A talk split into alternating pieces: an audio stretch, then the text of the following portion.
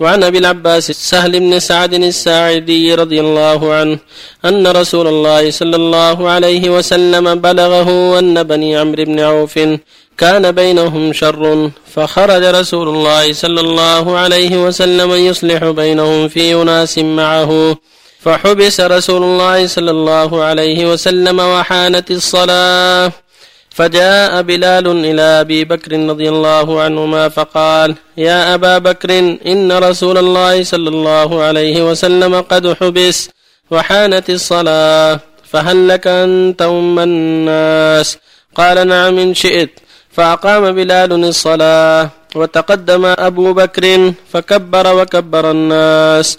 وجاء رسول الله صلى الله عليه وسلم يمشي في الصفوف حتى قام في الصف. فأخذ الناس في التصفيق. وكان أبو بكر رضي الله عنه لا يلتفت في صلاته.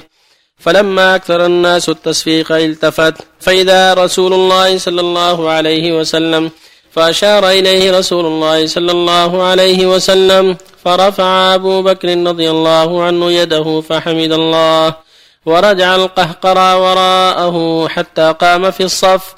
فتقدم رسول الله صلى الله عليه وسلم فصلى للناس. فلما فرغ أقبل على الناس فقال أيها الناس ما لكم حين نابكم شيء في الصلاة أخذتم في التصفيق؟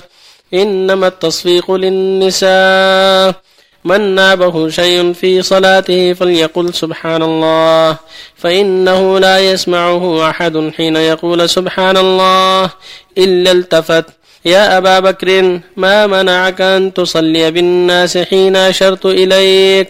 فقال أبو بكر ما كان ينبغي لابن أبي قحافة أن يصلي بالناس بين يدي رسول الله صلى الله عليه وسلم. متفق عليه. بالله. بسم الله الرحمن الرحيم. الحمد لله. صلى الله وسلم على رسول الله وعلى آله وصحبه. أما بعد هذا الحديث العظيم في قصة إصلاح النبي بين بني عمرو بن عوف. بنو عمرو بن عوف من جملة الأنصار رضي الله عنهم. حصل بينهم شنعان ونزاع فخرج إليهم النبي صلى الله عليه وسلم للإصلاح بينهم. هذا يدل على أنه ينبغي لولي الأمر ولأعيان الناس إذا حصل نزاع بين بعض القبائل أو بعض البيوتات أن يصلح بينهم. وإذا تقدم من خواص المؤمنين من يقوم بذلك كان ذلك أيضا مشروعا. فإن الإصلاح بين الناس من القربات. قال تعالى فاتقوا الله وأصلحوا ذات بينكم. قال إنما المؤمنون فأصلحوا بين أخويكم. فالإصلاح بين الإخوة أو بين القبيلة أو بين القبائل أو بين الجيران أو بين الأقارب كله طيب مطلوب. وفيه فضل كبير. فيشرع لكل مؤمن ولا سيما أهل الحل والعقد ومن يسمع له التوسط في الإصلاح كما فعله النبي صلى الله عليه وسلم بين بني عبد بن عوف وكما أصلح بين كعب بن مالك وغريم بن أبي حجر وغير ذلك من الوقائع التي فيها الصلح. فلما حضرت الصلاة حبسه الأنصار على طعام لهم يعني يلزموا عليه ليتغدى يأكل طعامهم. فحضرت الظهر فأتى بلال إلى أبي بكر وقال له هل لك أن تصلي بالناس. لأن النبي قد حبس يعني قد تأخر في بني عمرو. فقال أبو بكر نعم. فتقدم أبو بكر وكبر وكبر الناس. فبينما هو في أول الصلاة إذ جاء النبي صلى الله عليه وسلم واخترق الصفوف حتى قام خلفه الصديق. فأكثر الناس التصفيق لما عرفوا أنه الرسول صلى الله عليه وسلم. تنبيها للصديق رضي الله عنه. فلما أكثروا التفت فرأى النبي صلى الله عليه وسلم. فأشار له النبي صلى الله عليه وسلم أن يبقى وأن يستمر في صلاته ويصلي بالناس. فرفع يديه الصديق وحمد الله أن الرسول صلى الله عليه وسلم أشار إليه بالبقاء وأنه لم يغضب عليه. حمد الله على ذلك. ثم تأخر الصديق على قفاه وتقدم النبي فصلى بالناس. فلما سلم قال للناس ما لكم؟ لما نبكم شيء أخذتم في التصفيق إنما التصفيق للنساء. من نبه شيء في صلاته فليسبح. ثم قال ما لك يا أبا بكر؟ ألا تصلي بالناس لما أشرت لك.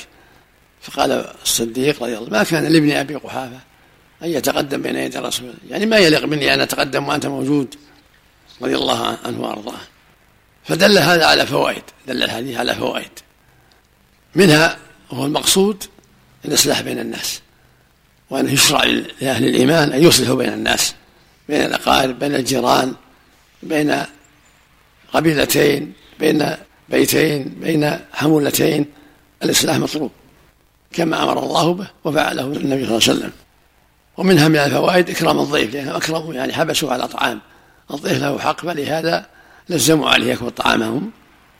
ومن الفوائد أن الإمام إذا تأخر الإمام الراتب إذا تأخر عن وقت مجيئه يتقدم ويصلي بالناس لا يحبسون. إذا كان الإمام الراتب تأخر لعلة من العلل فإن المؤذن يلتمس من يصلي بالناس حتى لا يحبسهم وحتى لا يشق عليهم. ولهذا التمس بلال من يصلي بالناس وطلب من الصديق أن يصلي بالناس. فإذا تأخر الإمام عن عادته المؤذن يلتمس من يصلي بالناس. وإذا جاء الإمام صلى مع الناس. لا يتقدم بوخره لا. يصلي مع الناس والحمد لله ولا يترك الإمام على ما على ما هو عليه. بعض الأئمة ما يرضى بهذا وهذا غلط. إذا تأخر سقط حقه فيقدم من يصلي بالناس وإذا جاء يصلي مع الناس. وقد ثبت عن النبي صلى الله عليه وسلم في غزوة تبوك أنه تأخر عن صلاة الفجر فتقدم عبد الرحمن عوف وصلى بالناس. فجاء النبي صلى الله عليه وسلم وقد صلى عبد الرحمن ركعة فأراد أن يتأخر فقال له النبي كمل. فكمل عبد الرحمن صلاة الفجر وصف النبي صلى الله عليه وسلم معه ومعه المغيرة بن شعبة. فلما سلم عبد الرحمن قام النبي صلى الله عليه وسلم والمغيرة فقضيا الركعة التي فاتتهما. ولم يصلي النبي صلى خلف أحد من أمته إلا خلف عبد الرحمن بن عوف رضي الله عنه. وفيه من الفوائد أن من فاتته الصلاة إذا سلم إمام يقوم يقضي كل واحد يقضي النفس والحمد لله. وفيه من الفوائد أيضا أن الإمام الراتب إذا جاء وقد كبر الإمام النائب وتقدم فلا حرج وصلى بالناس كما فعل الصديق لما تأخر وتقدم النبي صلى الله عليه وسلم. وفيه من الفوائد أن الرجال لا يصفقون إنما يقول سبحان الله سبحان الله. أما النساء تصفق لأنها عورة قد يكون في صوتها شيء من العورة لا سيما إذا رخمته ولينته فشرع لهن التصفيق دون الكلام. وفيه من الفوائد أيضا أن من يسر الله له نعمة ولو في الصلاة أنه يحمد الله عليها ويثني على الله. فإن الصديق لما أقره النبي على إمامته وطلب منه أن يستمر حمد الله رفع يديه وحمد الله أن الرسول رضي بهذا ولم ولم يره منكرا بل أقره على ما فعل وفق الله الجميع وفق الله نعم. النبي صلى الله عليه وسلم بين الصفوف هل كذلك هذه من الفوائد. انه إذا جاء الإمام يشق الصفوف حتى يتقدم بالناس. لا حرج. يشق الصفوف ثم يتقدم بالناس. هل كان يرى أنهم لم يصلوا بعد فأراد أن يصلي أم لسد فرجه أمامه؟ ظاهر شق الصفوف انه أراد أن يؤم الناس. ولهذا فهمه الصديق وتأخر. ظاهر تقدمه إلى الصف الأول خلف الصديق يظهر من حاله أنه صلى الله عليه وسلم يريد أن يؤم الناس. ولهذا الصديق رضي الله عنه تأخر وتقدم عليه الصلاة والسلام. أحسن الله نعم. إليك. سمعنا عالم من العلماء إمام مسجد وتأخر. وصلوا الجماعة. يوم أتى ولأنهم خلصوا من الصلاة قال أقم. وصلى ثانية. هذا غلط منه. جاهل بالحكم الشرعي. أو غلط منه. قد يكون أن الإمام الجديد تقدم عن الوقت المعتاد. قال ما له عذر يعني. أنه صلى بهم قبل وقت المجيء يا الإمام يعني. قبل وقت المعتاد يعني. فرأى أن هذا غلط. نعم أحسن الله عليك ما المقصود بالقهقرة؟ على وراء. قهقرة على وراء. يدبر على وراء. أحسن الله عملك بالنسبة للحكم التصفيق والتصفير أحسن الله عملك هذا من عمل الجاهلية ما ينبغي. وما كان صلى الله عليه إلا مكاء وتصفية. المكاء الصفير والتصفية التصفيق. التصفير والتصفيق من الجاهلية. من عمل الجاهلية حديث جواز الالتفات في الصلاة؟ يجوز. هذا من الفوائد الحديث الالتفات عند الحاجة. إذا دعت الحاجة الالتفات تلتفت برأسه بس. برأسه. في الفرض والنفل هل يجوز الأمة تلتفت لولدها إذا كان. ما هو إذا دعت الحاجة وتلتفت وتشير له؟ أنه يسكت ولا شيء ولا تهدئه أحد يسأل يقول ما هو القهقرة؟ قهقرة يمشي على قفاه يتدبر يعني. قهقرة يعني ما انتبهت مني ولا يسأل يمشي على قفاه. صلى الله إليك. سؤال يقول السائل ما معنى قوله تعالى إني جاعل في الأرض خليفة؟ وما المقصود بخليفة؟ يعني يقضي حاجة الناس يؤم الناس يقضي حوائجهم. خليفة في الأرض بدأ ينوب عن الله في تبليغ أمره ونهيه كالرسل والأمراء. السؤال الثاني وكيف علم الملائكة بأن ابن آدم سيفسدنا في الأرض؟ الله أعلم. بعض أهل قال أنه علموا من أخبار الجن لأن الجن قبل الإنس وقد أفسدوا في الأرض وظنوا أن هؤلاء مثلهم. بعضهم استنبطه من شيء آخر. القول صحيح. الله أعلم. العلماء يدخلون في كلمة الخليفة. هي خلفاء العلماء والأمراء. العلماء خلفاء الرسل. والأمراء خلفاء الكبار والدعاة أيضا كذلك؟ والدعاة من العلماء إذا كان عندهم علم. نعم. سبحان الله. جزاك الله خيرا.